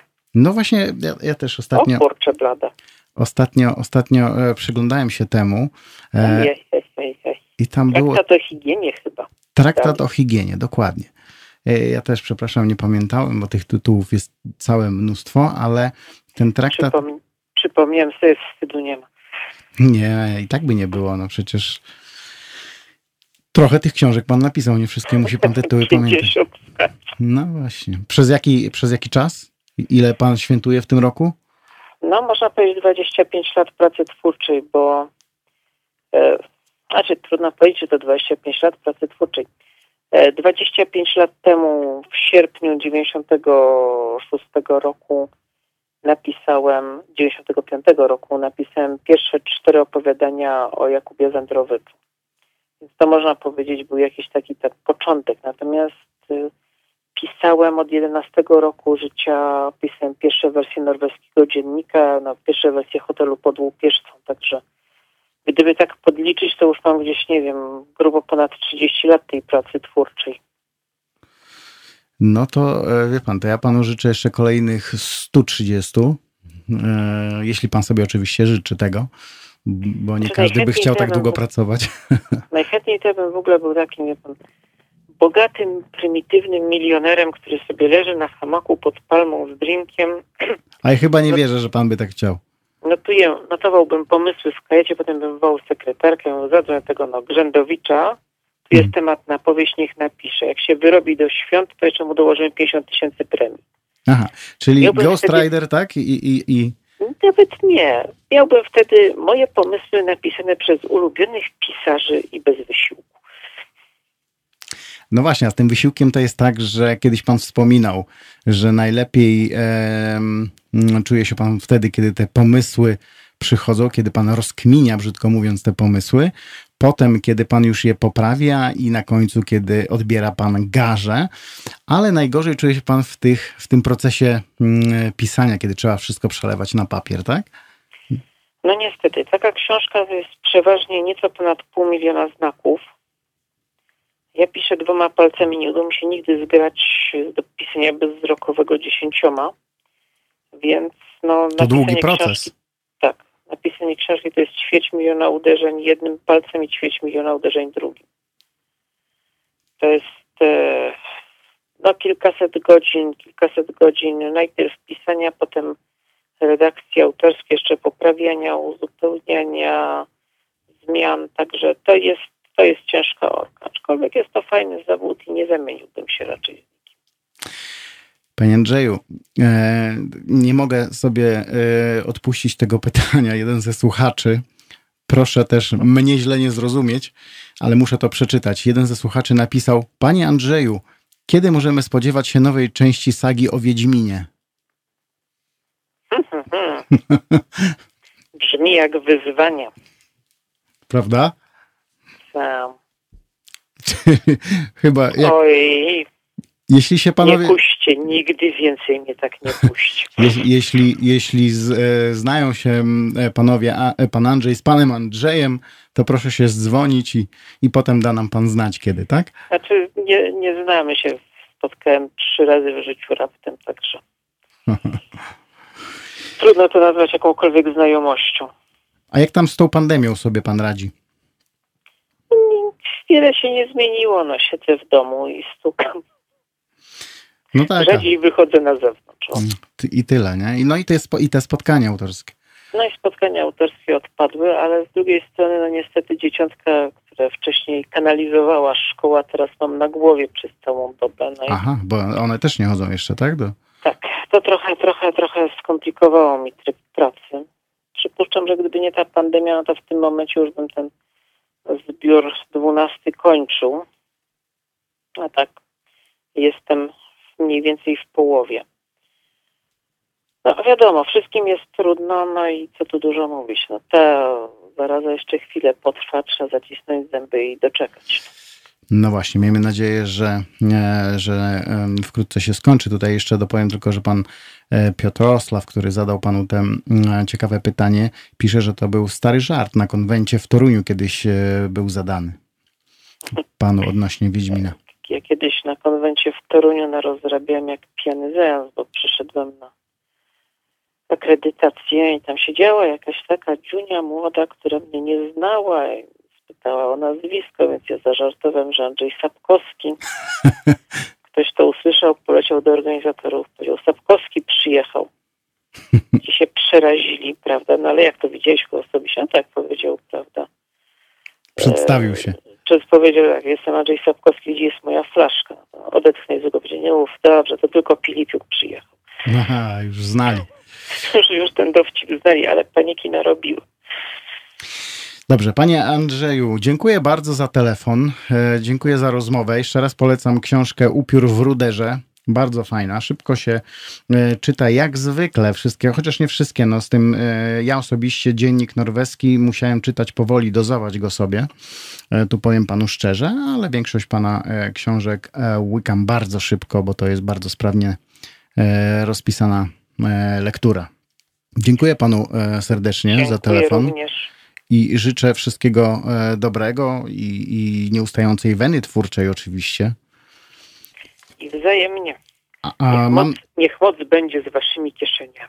O właśnie, dobrze, oby. I myślę, że e, chciałbym, żebyśmy się jeszcze kiedyś e, usłyszeli, a najlepiej, gdyby pan do nas do radia wpadł, wtedy byśmy sobie jeszcze porozmawiali przy kawie czy przy herbacie, ale to już po, po tym, jak się rozprawimy z, mm, z koronawirusem. No liczę, że do października powinno być. Mm, No to super. Dziękuję panu serdecznie i do widzenia. Miłego dnia życzę. Kłaniam się. Do widzenia.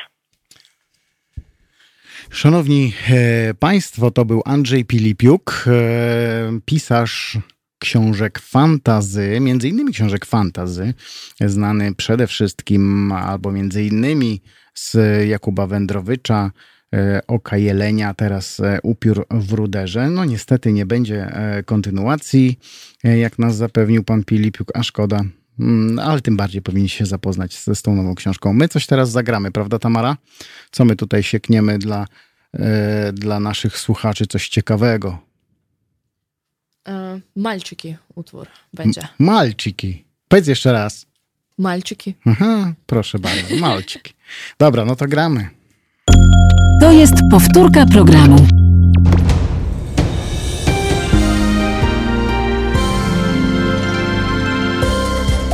Halo Radio. Pierwsze medium obywatelskie.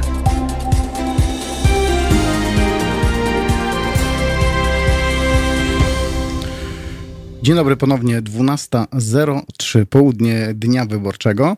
E, tych z Państwa, którzy dołączyli do nas w trakcie trwania już programu i nie słyszeli całej rozmowy z Andrzejem Pilipiukiem, Zachęcam do odsłuchania podcastu, który pojawi się krótko po zakończeniu całego programu i dostępny będzie zarówno na naszej stronie www.halo.radio oraz na stronach pod.co ukośnik Halo Radio i na Spotify.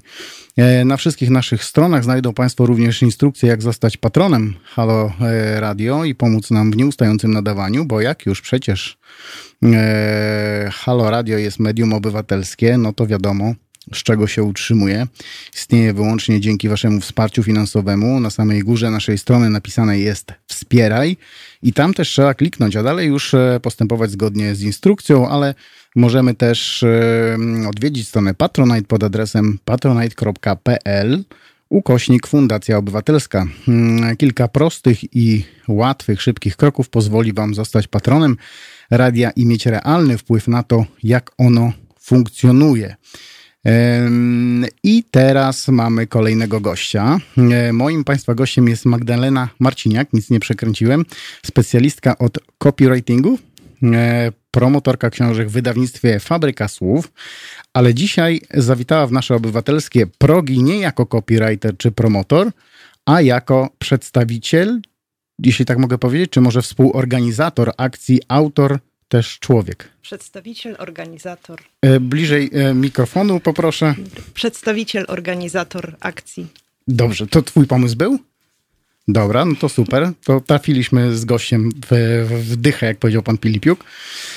E, no więc e, dzień dobry mm, e, Magdo. Dzień dobry Iwo, dzień dobry Państwu. Na wyborach już była dzisiaj? Nie, idę prosto z radia. O, super. 20 czerwca, 26 czerwca ruszyła akcja Autor też człowiek. Dobrze pamiętam? 26. Więc może przybliżysz nam i słuchaczom, co to za akcja i od czego się zaczęła, bo to było dosyć kontrowersyjne, jeśli, jeśli tak można powiedzieć, prawda? Tak.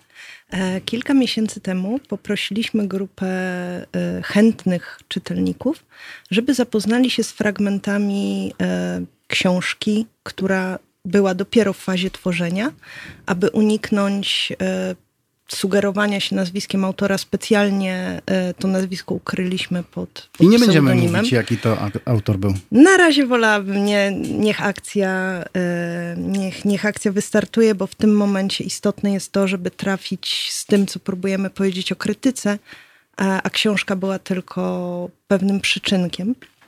Mm, generalnie ludzie zaczęli e, te udostępnione fragmenty rzeczywiście czytać, komentować bardzo dużo było opinii, e, które były pomocne, bo my wskazywaliśmy, o jaki rodzaj e, informacji zwrotnej nam chodzi. Także to nie było tak, że tylko wypchnęliście do, bo to była wewnętrzna. To się wszystko działo na zamkniętej grupie, do której e, trzeba było dostać zaproszenie, aby w ogóle zobaczyć treść. Także, okay. także to nie było rzucone tak całkowicie gdzieś w odmęty internetu, tylko było to mocno pod kontrolą. E, ponieważ, jak mówię, zależało nam na tym, żeby mm, ludzie wypowiedzieli się na konkretny temat. Były dosyć, dosyć konkretne pytania, na którym potrzebowaliśmy dostać odpowiedź. I bardzo szybko okazało się, że oprócz tego fajnego, e, jakby kreatywnego, merytorycznego feedbacku, e, zaczynają się mm, komentarze, które w ogóle praktycznie nie dotyczą tekstu mhm. E, tylko dotyczą osoby autora, który przypominam cały czas był anonimowy. I, A gdyby nie był anonimowy, myślisz, że ta krytyka byłaby w innym tonie? Tak, myślę, że tak. Czyli możemy się spodziewać, że jest to znane nazwisko. Bardzo znane. Nie, absolutnie nie jest to no-name. Okay. Natomiast w momencie, kiedy rzeczywiście już tej zamkniętej grupie ujawniliśmy nazwisko, to jedną z pierwszych, jednym z pierwszych komentarzy było wow, gdybym wiedziała, że to ta osoba, to w życiu e, bym w ten sposób nie skomentowała. Czyli tak, i właśnie, też, właśnie też, dlatego nie mogłaś wiedzieć, kim jest ta osoba. Czyli to też nie było do końca uczciwe z ich strony. Kryty, krytyka e, autora, którego się nie zna, E, a zmiana podejścia do, do mm, czytanego, czytanego tekstu, kiedy już się zna autora, no to to może robić, rodzić wielką różnicę. No jak się okazało, tak. I najsmutniejsze dla mnie osobiście było to bardzo, bardzo smutne, że ludzie, którzy byli przekonani, że mają do czynienia z debiutantem, z kimś, kto dopiero zaczyna, kto właściwie wysłał swoje pierwsze teksty i być może na przykład walczy o, e, o wydanie w wydawnictwie, bo było wiadomo, że organizuje to fabryka słów, tak? Mhm. Myśmy tego, to, to akurat nigdzie nie, nie, nie było, nigdy nie było ukrywane. E, ludzie naprawdę potrafili wylewać wiadra pomyj. Na przykład? I, jest na przykład. Z tego co wiem, to odsyłali do podstawówki? Tak, tak. Może nie odsyłali do podstawówki, natomiast to zapamiętałam. Nie pamiętam autora ani autorki, nie wiem kto napisał ten komentarz, więc mogę śmiało powiedzieć, bo nikomu nie wytykam. E, dwunastoletnia e, córka mojej koleżanki pisze lepsze wypracowania e, na polski. Okay. To jest opinia o tekście w momencie, kiedy prosimy o ocenienie wątków fabularnych, konkretnych rzeczy, które się zadziały. Czy to są wasi e, wewnętrzni recenzenci, czy to są tak zaproszeni na pierwszy raz ludzie? To byli całkowicie e, nieznani nam ludzie, którzy przyszli w odpowiedzi na ogłoszenie, które zamieściliśmy, że poszukujemy osób do, do tego typu przedsięwzięcia. Ono było bardzo. To nie było takie typowe ogłoszenie o pracę, bo też im jakby to nie nie było zadanie bazujące na prawdziwej redakcji, krytyce, e, robieniu recenzji. To raczej chodziło o pewną zabawę, która cały czas się rozwija i za chwilę będziemy również Ale czy to nie było mówić. takie trochę, e, pro, e, takie pro, trochę prowokujące z waszej strony? Spodziewaliście się, że może coś takiego się pojawić, że, e, no bo zaprosiliście obcych ludzi, e, ukryliście nazwisko autora, daliście tekst przed redakcją, przed korektą, mhm i sądziliście, że ktoś napisze do was wow, super, czy może myśleliście, że znajdą się tacy, którzy, którzy pójdą po bandzie? Wiesz co, wiedzieliśmy, że tekst nie zostanie przyjęty owacjami na stojąco, to było oczywiste, ale on w, w ogóle nie chodziło o to, żeby on został przyjęty owacjami na stojąco, chodziło o to, żeby ludzie, dostając tę surówkę, rzeczywiście powiedzieli, co na ten temat myślą. Dokładnie o to nam chodziło i nikt nie spodziewał się e, peanów i zachwytów.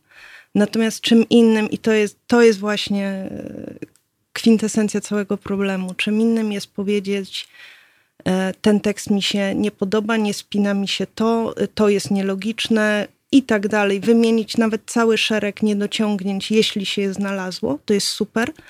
A czym innym jest atakować autora mhm. nieznanego tak naprawdę. Ale byli też tacy, którzy poszli w tym kierunku, w którym powiedziałaś teraz? Więcej było e, tych negatywów, czy więcej było pozytywnych, e, znaczy bardziej konstruktywnych opinii? Generalnie było tak, że na samym początku, kiedy, e, bo łącznie udostępniliśmy, to być może jest istotne, łącznie udostępniliśmy pięć tekstów, pięć fragmentów i widać było, jak praca z tymi ludźmi nabiera zupełnie nowego kształtu. Na początku rzeczywiście pierwsze dwa, powiedzmy, teksty to była ciągła moderacja i ciągłe zwracanie uwagi na to, co mówią, jak mówią. Nie chodzi o to, żeby nie było krytyki, chodzi o to, żeby merytorycznie powiedzieć, co ci się nie podoba w tekście, e, a nie atakować autora i no na zasadzie ten tekst mi się nie podoba, autor musi być głupi. Mhm. No. Ale to też, to też ciekawe, że e, wiedząc, bo to nie jest rozmowa e, na polu prywatnym, typu czytelnik z czytelnikiem, tylko do, jest zlecenie od wydawcy i e, feedback z, tak, jest, jest do wydawcy wysłany w takim stylu, że autor jest e, głupi, to, to też niedobrze świadczy o tych ludziach, którzy tam byli w tym projekcie. I od tego się zaczęło. Ja chciałabym bardzo podkreślić, ponieważ prawdopodobnie część tych osób nas teraz słucha. Pozdrawiamy e, serdecznie. Pozdrawiamy serdecznie, moje, moi drodzy funkcjonariusze, pozdrawiam. E, generalnie zdecydowana większość grupy mhm. to są wspaniali ludzie, którzy odwalili naprawdę ogromny kawał roboty, są zaangażowani, są bardzo otwarci, byli od samego początku bardzo otwarci na współpracę, na te e, wskazówki, e, co robić, czego nie robić.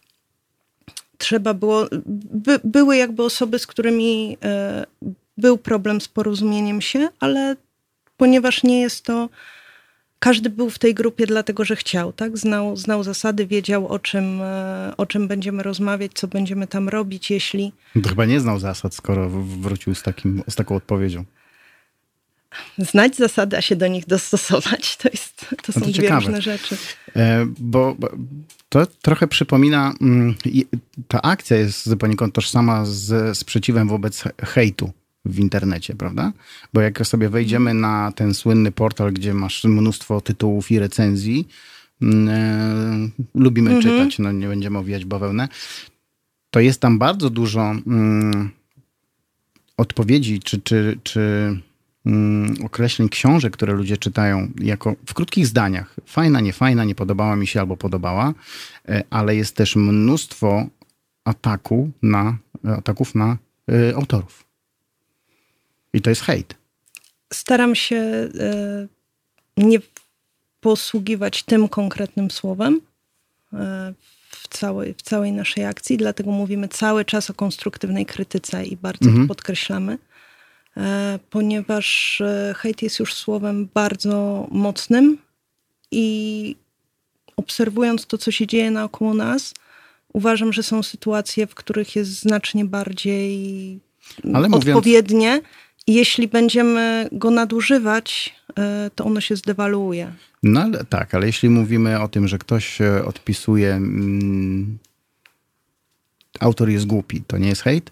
Przecież nie znamy tego autora, nie wiemy, kto to jest, więc nie można powiedzieć. Poza tym, no, raczej głupi ludzie książek nie piszą. Umówmy się, nawet jeśli one są z błędami, nawet jeśli coś się w tej książce nie spina, E, kto pisał, ten wie, jak, jak trudny mhm. jest to e, kawałek chleba, jak ciężko jest w ogóle stworzyć pomysł. Pomysł jest pomysłem, ale przeleć to na papier to jest naprawdę ciężka robota. Więc nie można mówić o człowieku, że jest głupi. Dla mnie to jest hejt. Okej. Okay. Dla ciebie nie. Nie o to chodzi. Ja chodzi. wiem o co chodzi, ja wiem o co chodzi. Prowokuje cię trochę. Dobra, to zaraz wrócimy do, y, E, do rozmowy, tak? Mhm. Coś jeszcze chcesz powiedzieć? Chciałam powiedzieć, że gdybym nie miała podobnych odczuć jak ty, bo widzę, że ciebie to bardzo e, triggeruje. Wiesz, ja też po, po, no jestem autorem, tak? Więc... A gdybym ja nie miała podobnych odczuć e, jak ty, nie byłoby tej akcji. Także siedzimy tu po jednej stronie stołu i jesteśmy ze sobą zgodni. Po prostu, jak mówię, uważam, że pewne słowa warto e, chronić przed dewaluacją i tylko o to chodzi. Absolutnie nie zgadzam się na tego typu komunikaty wystosowywane do autorów i stąd właśnie wzięła się ta akcja. Okej, okay. zaraz wrócimy do tej akcji, po pokażemy może grafikę później, ale teraz coś zagramy, tak Tamara? Baby Bird, You're nie... gorgeous. A właśnie, je. jesteśmy wszyscy tacy, jak Tamara nam przed chwilą powiedziała. Dobra, to gramy. Słuchajcie, powtórki programu.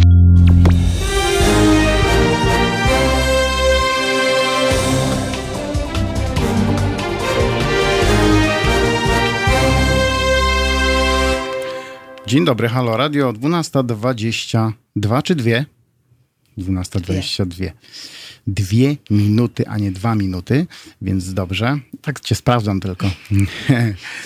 E, naszym gościem jest e, Magdalena Marciniak. Marciniak. Mm, I ty wymyśliłaś sobie, e, znaczy nie sobie, no bo to jest bardzo ważna akcja, autor też człowiek, na kanwie odpowiedzi mm, krytycznych, bardzo krytycznych odpowiedzi odnośnie jakiejś nowej powieści autora, który nie jest anonimowy. O tym już rozmawialiśmy. Powiedz mi, do kogo e, ta akcja ma trafiać? I jak, jak, jak duże pole ma osiągnąć? Jak, jak, jak wielka ma być ta akcja, jak zakrojona? Czy to ma być tylko i wyłącznie do ludzi, którzy czytają książki, czy może też do samych autorów? Bo autorzy wobec siebie też bywają bardzo krytyczni i nie zawsze to się skupia na książkach, ale też między sobą potrafią pazurkami, wiesz, jak to bywa. Wiem. E, generalnie, gdyby to tylko ode mnie zależało, to ja chciałabym, żeby ta akcja trafiła dokładnie do każdego. Czyli globalnie. globalnie e, wręcz powiedziałabym. Nie, chciałabym, żeby się rozniosła niczym wirus. Natomiast e, Oczywiście zależy mi na tym, żeby przede wszystkim trafiła do młodych ludzi w internecie. Mhm. No, tam, jest... tam, się, e, tam zazwyczaj jest hulaj dusza, piekła nie ma. Z jakiegoś powodu, zupełnie dla mnie niezrozumiałego, bo to w ogóle nie w ten sposób działa. E, mam wrażenie, niektórym ludziom wydaje się, że w, internecie są anonimowi, że wystarczy, że nadadzą sobie, założą sobie konto e, Ale poniekąd w socialach, są, tak? Poniekąd są anonimowi, no bo gdybyś chciała dotrzeć do nich, kim oni są, no to Mm, no to to jest mozolna praca. To nie jest takie proste chyba dotrzeć do takiego człowieka, który sobie zakłada. Ale nie jest to praca, której nie można wykonać. Ależ oczywiście, tylko że, że czy komukolwiek by się chciało, a takich troli jest bardzo dużo. I tak każdego śledzić i każdemu tłumaczyć. I dlatego właśnie zamiast ich śledzić, yy, wolę ich edukować. Okej. Okay. A, a czego się spodziewasz po tej, po tej akcji? Czego konkretnego się spodziewasz po tej akcji? Spodziewam się tego, że przypomnę, bo cały czas głęboko wierzę w to, że ludziom nie trzeba mówić, nie trzeba tłumaczyć, jak mają mówić do innych ludzi. Im tylko trzeba przypomnieć, że może troszkę odeszli od pewnych zasad i powinni do nich wrócić, bo oni je mają gdzieś tam w środku. Ale jesteś taka bardzo delikatna, jeśli chodzi o, o mm, od, o odpowiedzi, bo e, akcja, którą ty też prowadzisz przede wszystkim, tak? Mhm. No to są takie plansze się pojawiają, że krytyka nigdy nie powinna być sposobem na rozładowanie własnych frustracji. Mhm. No poradnik, to, poradnik konstruktywnej krytyki. Czyli to już nie jest takie delikatne, jak starasz się być, e, ale to już jest takie mocne. No, ludzie często sfrustrowani, próbują się wyładować w internecie na wszystkim, a że e, książki, wiadomo, no, wielu, wielu ludzi e, czyta. Tak, możemy wrzucić e, grafikę, żeby, żeby kto nas ogląda, żeby mógł zobaczyć. I tak to wygląda. Krytyka tak, krytykanstwo nie. Plus wyjaśnienie w ramkach, żeby nikt nie zarzu zarzucił, że coś wymyśliłam, tak? tak? Za słownikiem języka polskiego. I e, są, jak wejdziemy sobie na stronę, ta strona to jest e, autor też człowiek, mhm. albo hashtag ATC, tak? Też tak jest. Tak działa, można wyszukać po hashtagu. Można wyszukać po hashtagu. E, I co, I co? Zachęcamy, żeby ludzie się, się przyłączyli do tej akcji, prawda? Absolutnie tak. To jest. Ci, którzy czytają, ci, którzy piszą, ci, którzy wydają. Absolutnie tak, ponieważ my jako fabryka słów wyszliśmy e, z tą akcją. Traktujemy to jako pewnego rodzaju. My podpaliliśmy ognisko, tak? No tak, Natomiast tak, bardzo nie... chcielibyśmy, żeby do tej akcji przyłączyło się jak Wszyscy. najwięcej osób e, i twórców, i wydawców. Właśnie, bo tak tutaj, naprawdę każdego, bo każdego to, bo witamy. To, to, że to zostało e, jakby, jak powiedziałaś, ognisko zostało rozpalone przez fabrykę słów, nie znaczy, że to dotyczy autorów E, fabryki słów. Tu absolutnie jesteście otwarci na e, wszystkie wydawnictwa, na współpracę, tak? Nie, absolutnie nie... tak. Co więcej, jesteśmy również otwarci na wszelkich innych twórców, którzy uznają, że temat ich dotyczy i chcieliby również swój głos E, no tak, dołączyć. Absolutnie najczęściej tak. krytykowanymi e, artystami, jeśli tak można nazwać, no można, artystami, są przecież e, aktorzy czy twórcy filmów, prawda? No to jakby w dzisiejszych czasach naj, najwięcej pochłania człowiek jednak filmów, a nie książek czy czego innego. Nie chodzi między, między rzeźbami, nie krytykuje rzeźbiarzy, tylko jednak a Borys Szyc taki i owaki, a ta aktorka taka, siaka i owaka. I nie, zna, nie znając ich, wiedzą na podstawie, e, czy zdaje im się, że wiedzą na podstawie obejrzanego filmu. Albo znanego serwisu. Albo znanego serwisu. Twierdzi się, że ta jest głupia, ten to, ten to debil albo alkoholik, tak?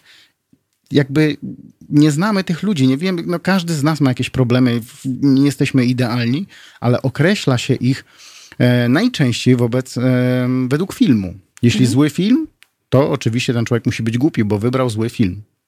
Tak dokładnie, jest? Dokładnie więc, tak. Więc też rozumiem, że chcecie e, przyciągnąć e, tą akcją i aktorów, i reżyserów, i twórców wszelakich. Rzeźbiarzy, dokładnie tak. malarzy, tak. tak? Absolutnie tak. Myślę, że rzeźbiarze są bardzo niedoreprezentowani w mediach szerokich, także tak? w, w, głównym nurcie, także absolutnie każdego rzeźbiarza zapraszam. A znasz jakiegoś osobiście? No właśnie nie, mówię, że są niedoreprezentowani. To, to ja bym e, chętnie zaprosił rzeźbiarza, który by o, e, powiedział, jak, jak, jak się żyje rzeźbiarzom. Myślę, że to jest podobnie... Jak to jest być rzeźbiarzem, dobrze? Pewnie Można tak, by zapytać. Pewnie tak samo jak pisarzem, bo, bo, bo, no bo jednak pisarze też rzeźbią. Prawda? To prawda. Nie wiem, nie wiem, jak to jest być e, tak naprawdę rzeźbiarzem, ale chętnie bym jakiegoś zaprosił. A my zapraszamy e, również rzeźbiarzy, malarzy, e, twórców wszelakich do nawet to jakieś tam rękodzieła, tak? Wszyscy, wszyscy są, mogą przyjść do waszej Serio, akcji. naprawdę wszyscy. Dobra. Dobra. Wszyscy, który, którzy spotykają się z krytykanstwem, a nie z krytyką i mają z tego powodu jakiś ból w środku są mile widziani. A ja tu przeczytałem e, w mailu, który dostałem od Was, że jeśli dobrze pamiętam, gdyby to był nowy, młody aktor, e, przepraszam, młody pisarz, e, prawdopodobnie porzuciłby pisanie przez tą krytykę przez to krytykanstwo, mhm. które, które spadło.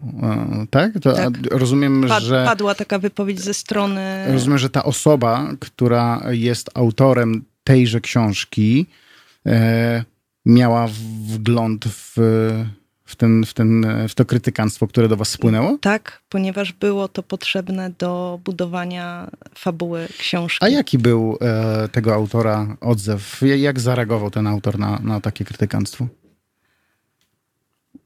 To było przykre, szczerze mówiąc, i, i kosztowało nas trochę nocnych rozmów.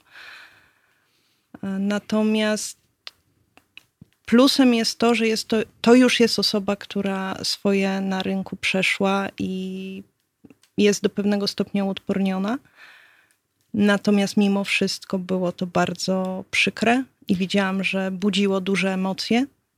I między innymi z tego, mm, z tego wzięła się cała akcja. Bo jeśli e, doświadczonej osobie, e, która już swoje w życiu przeszła i swoje na swój temat przeczytała, jeśli u niej widzisz takie, takie emocje, jeśli to aż tak jej dotyka, no to zaczynasz się zastanawiać, co, co jest nie tak, co tu zaszło. No dobrze, a jak, a jak, a jak jest z tą e, książką? Czy ta książka jest naprawdę tak zła, jak mówili ci, e, jak ich nazwać? Nie krytycy, bo krytyk to krytyk, tylko... Krytykanci. Krytykanci. Krytykanci.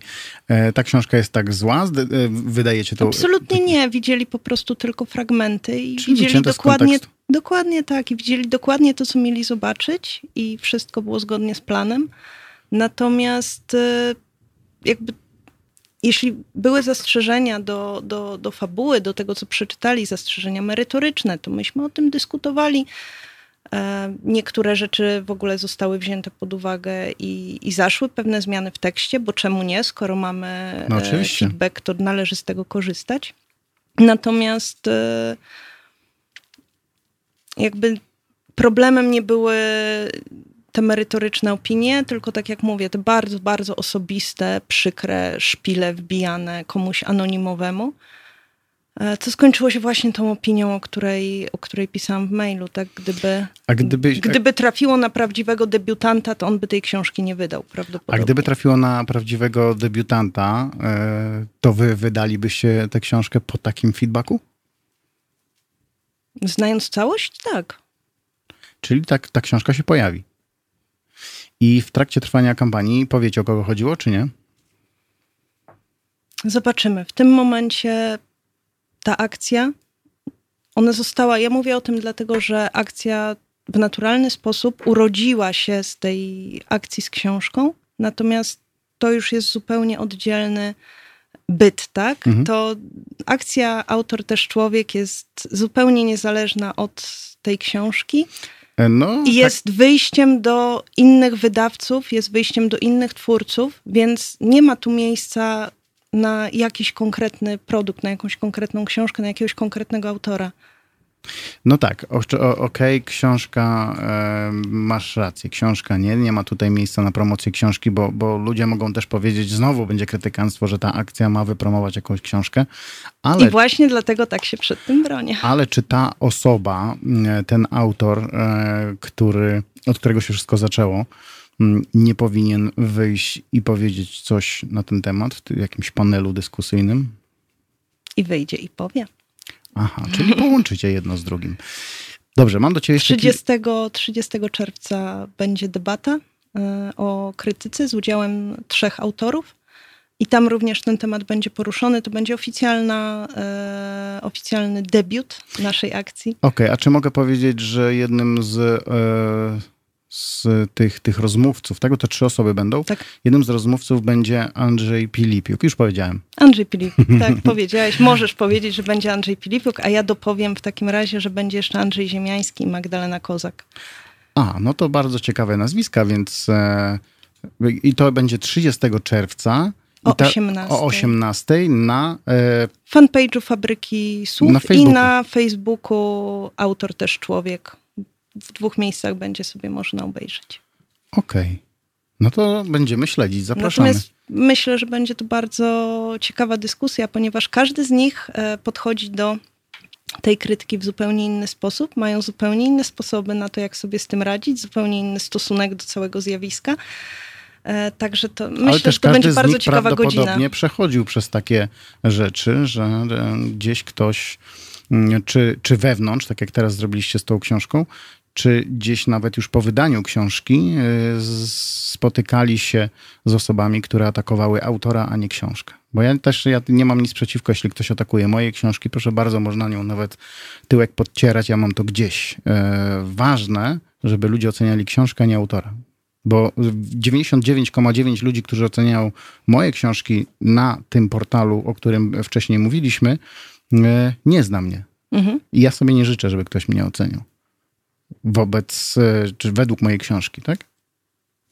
Dokładnie tak. I właśnie, a właśnie o to chodzi w całej tej akcji, tak? Przeczytaj książkę, a jeśli ci się bardzo nie podoba, to nawet jej nie czytaj, bo szkoda e, tracić życie na, na, na czytanie książek, które, no właśnie przez tak... które się brnie, tak? Ale, ale powiedz coś o tej książce, tak? Powiedz coś o tekście, powiedz, co ci się nie podobało, dlaczego ją odłożyłeś i nie dałeś rady skończyć. E, natomiast co to ma wspólnego z Autor. autorem, tak? Dlaczego autor jest głupi, bo, bo tobie się jego książka nie podobała? No, to, to nie tylko autora, to też często jak się książka nie podoba, to się z tym spotkałem, że mm, ktoś bierze jakąś książkę, czytelnik, nie ktoś, czytelnik bierze jakąś książkę, czyta, nie rozumie tej książki, ale twierdzi, że autor jest do dupy i wydawnictwo jest do dupy. Tak, no wyda wydawnictwo to jest oddzielna, e, oddzielna szufladka do wrzucania nieważne, tam. że wcześniej wydali pierdyliard świetnych książek, e, że, że to tak naprawdę oni wypuścili na rynek fajnych autorów, poczytnych autorów, tylko ta jedna książka przeważa na opinii, e, że autor zły, wydaw wydawca zły. A wydawca ślepy. Ślepy, to jest taki, tak, tak wydawca albo, albo dostał pieniądze, to też się o tym, z tym spotkałem, dostał pieniądze od autora, żeby wydać jego książkę. No tutaj trochę to inaczej działa. Ja myślę, że ludzie też nie, nie do końca wiedzą, co piszą. Że czasami coś im błyśnie w głowie. Nie każda, nie wszystko, co, co, co się świeci jest złotem. Te, mhm. Nie każda myśl musi być złota. E, ale bezmyślnie piszą. Dzisiaj, dzisiaj jakby e, ludzie mają palce połączone od razu z mózgiem nie idzie to przez serce, tylko co myślą, to piszą, prawda? Trochę tak. No właśnie. E, Mirka e, Sobczak napisała, fajna akcja, nareszcie ktoś o tym pomyślał. Cieszymy się, że tak cieszymy. ludzie piszą? Oczywiście, że cieszymy. cieszymy. E... Pozdrawiamy serdecznie. No tak, a jak się książka nie podoba, pisze Paweł, jak się książka nie podoba, to trzeba ją podrzeć jak nergal. Niestety autor nieznany, więc ciężko go hejtować. Tu mowa o Biblii. Absolutnie nie zachęcam do darcia jakichkolwiek tak, książek. był kiedyś taki z krótkim wąsem, ich. który palił, prawda? Dokładnie. I to nie, nie, nie wydaje mi się, żeby to był Ja też kierunek. uważam, e, wiesz, wiesz, bo przecież współ, e, współpracujemy, e, e, Hultaj Literacki znasz. U nas jest tak, że my też nie jesteśmy wolni od ataku na e, autorów, to trzeba się przyznać do tego, ale... Mm, powstaje u nas tekst w hultaju literackim, który jest w pewnym sensie atakiem na e, autora, tylko zanim e, wrzucimy to gdziekolwiek u nas na stronę, wysyłamy do wydawcy. Tak było z książką pewnej pani, która pisała erotyk. Mhm. E, I to wydawca zasugerował nam, żebyśmy nic nie zmieniali, wrzucili tak jak jest. Bo oni żyją z tego, że im gorzej się mówi o tej książce, tym lepsza sprzedaż. I faktycznie kliknięć na naszej stronie najwięcej ma właśnie ta książka. Więc okej, okay, jakby tutaj współpracujemy z autorem, z wydawcą, ktoś żyje na kontrowersji, zgoda, nie, nie wnikamy w to.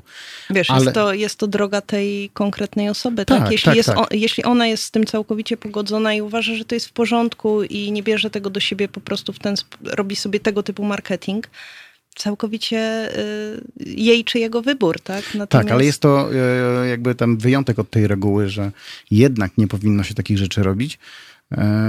Ja się też spotkałem z taką opinią, kiedy ludzie do nas piszą, że my mamy płacone za,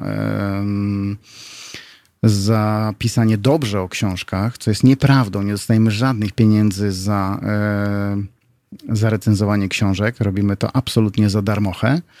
E, I zarzut był taki, że piszemy dobrze o książkach, dlatego że właśnie nam płacą. Mhm. Ja tutaj odpieram za każdym razem, że tak jak ty mówisz, po co, po co czytać książkę, której nie lubię?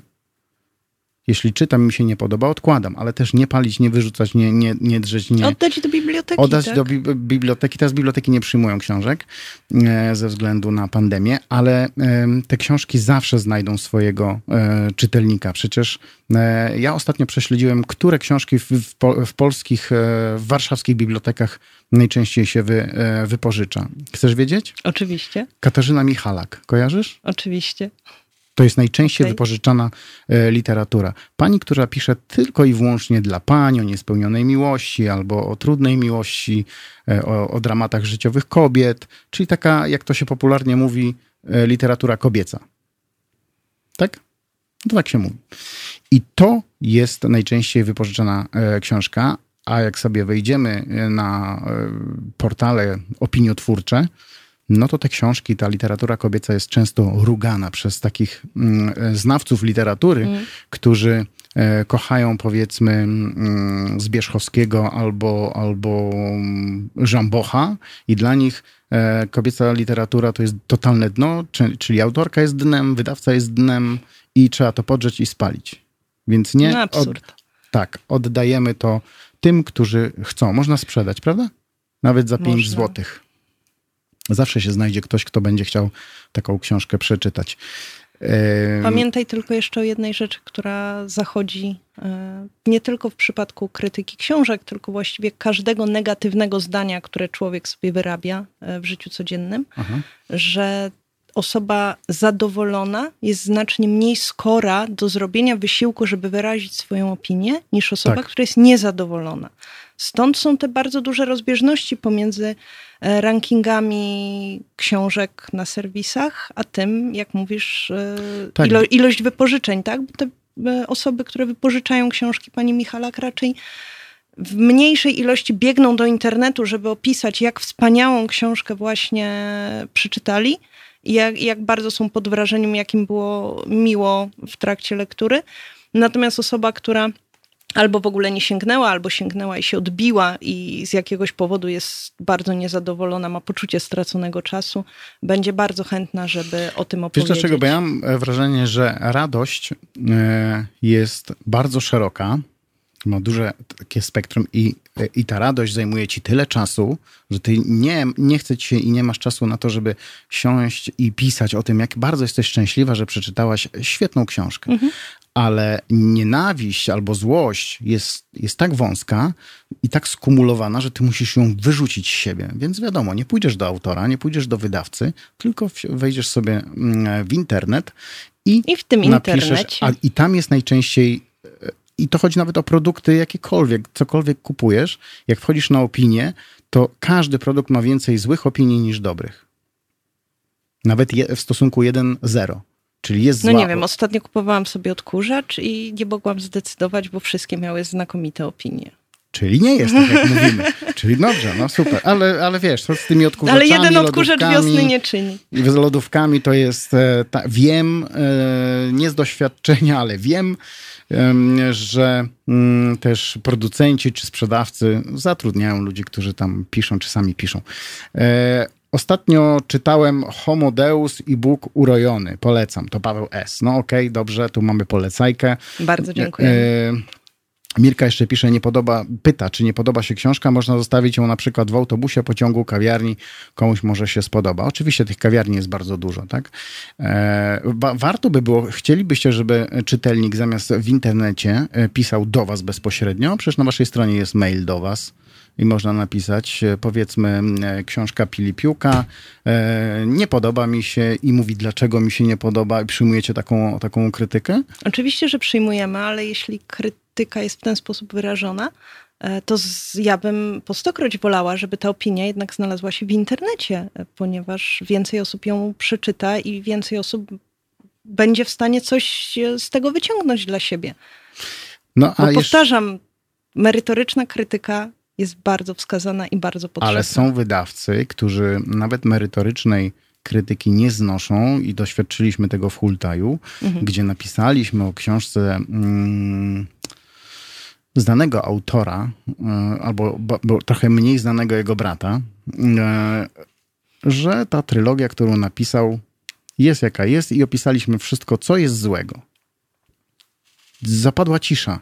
Mhm. Przestali się z nami kontaktować ze względu na to, że spodziewali się, że będziemy pisać w samych superlatywach. No niestety, jeśli książka nam się nie podoba, a chcieliśmy przeczytać, bo chcieliśmy zobaczyć, w którym kierunku idzie młodszy brat znanego autora. Mhm. Bo tak to byśmy odrzucili książkę, nie napisalibyśmy nic.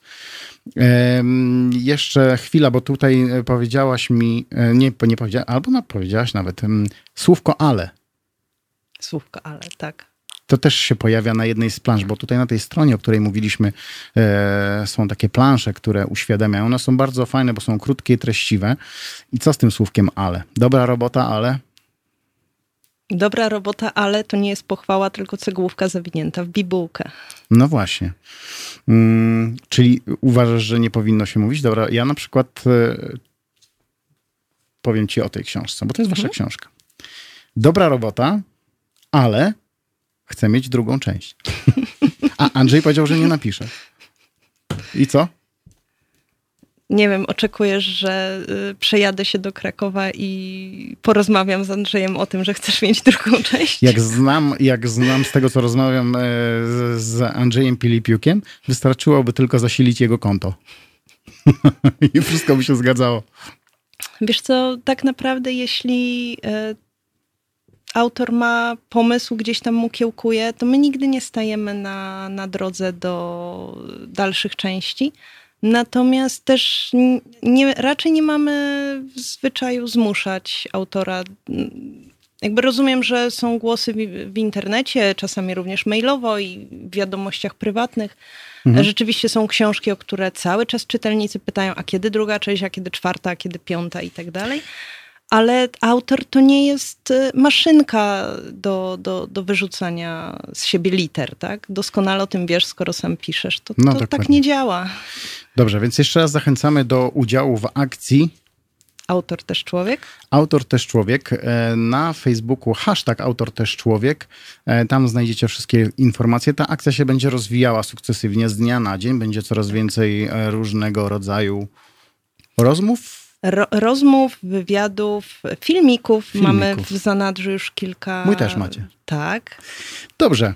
E, czyli no musimy już kończyć, ale zapraszam cię, kiedy tylko masz ochotę wpadać. Jeśli to się rozwinie, to może rozbuchamy jeszcze bardziej. Zaprosimy tutaj wszystkich zaangażowanych w akcję, ile tylko ludzi pomieścimy.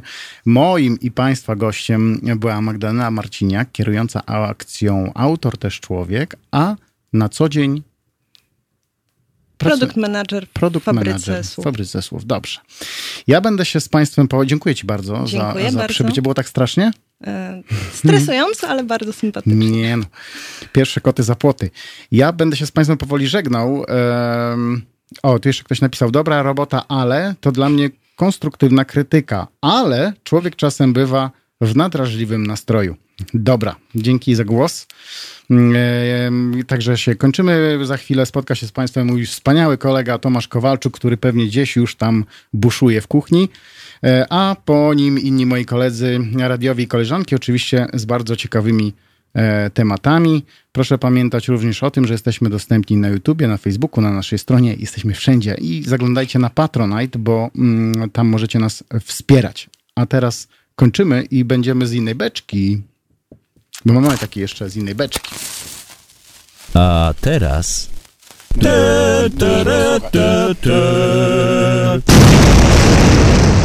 Coś z innej beczki.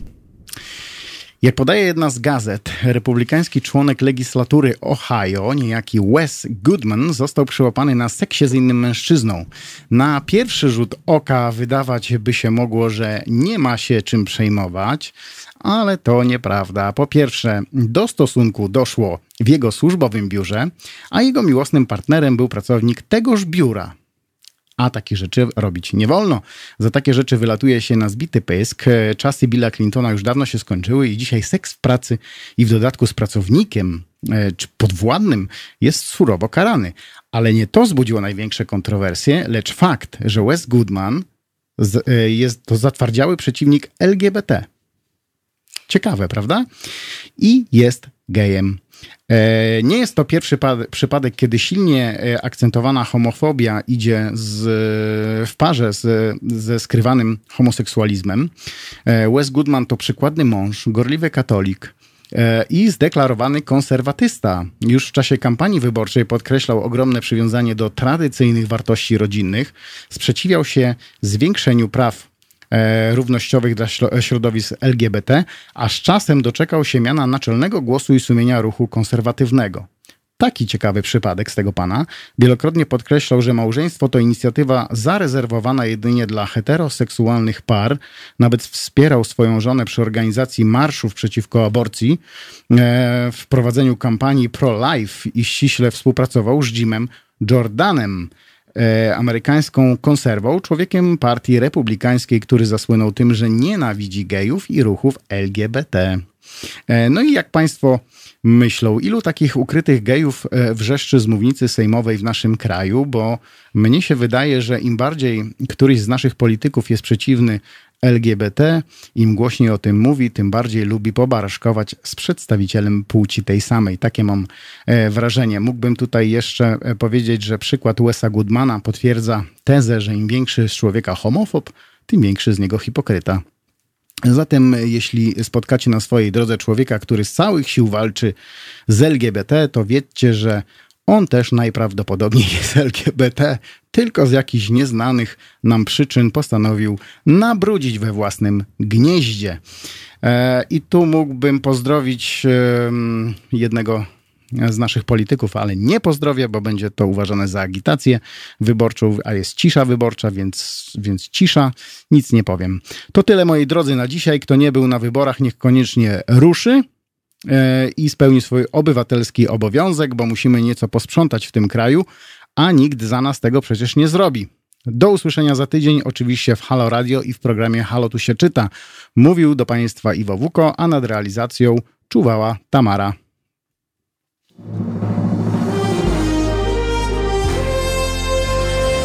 To proste. Żeby robić medium prawdziwie obywatelskie, potrzebujemy Państwa stałego wsparcia finansowego. Szczegóły na naszej stronie www.halo.radio, w mobilnej aplikacji na Androida i iOS-a oraz na koncie Fundacji Obywatelskiej w serwisie www.patronite.pl. Naszym darczyniom i darczyńcom serdecznie dziękujemy. www.halo.radio. Słuchaj na żywo, a potem z podcastów.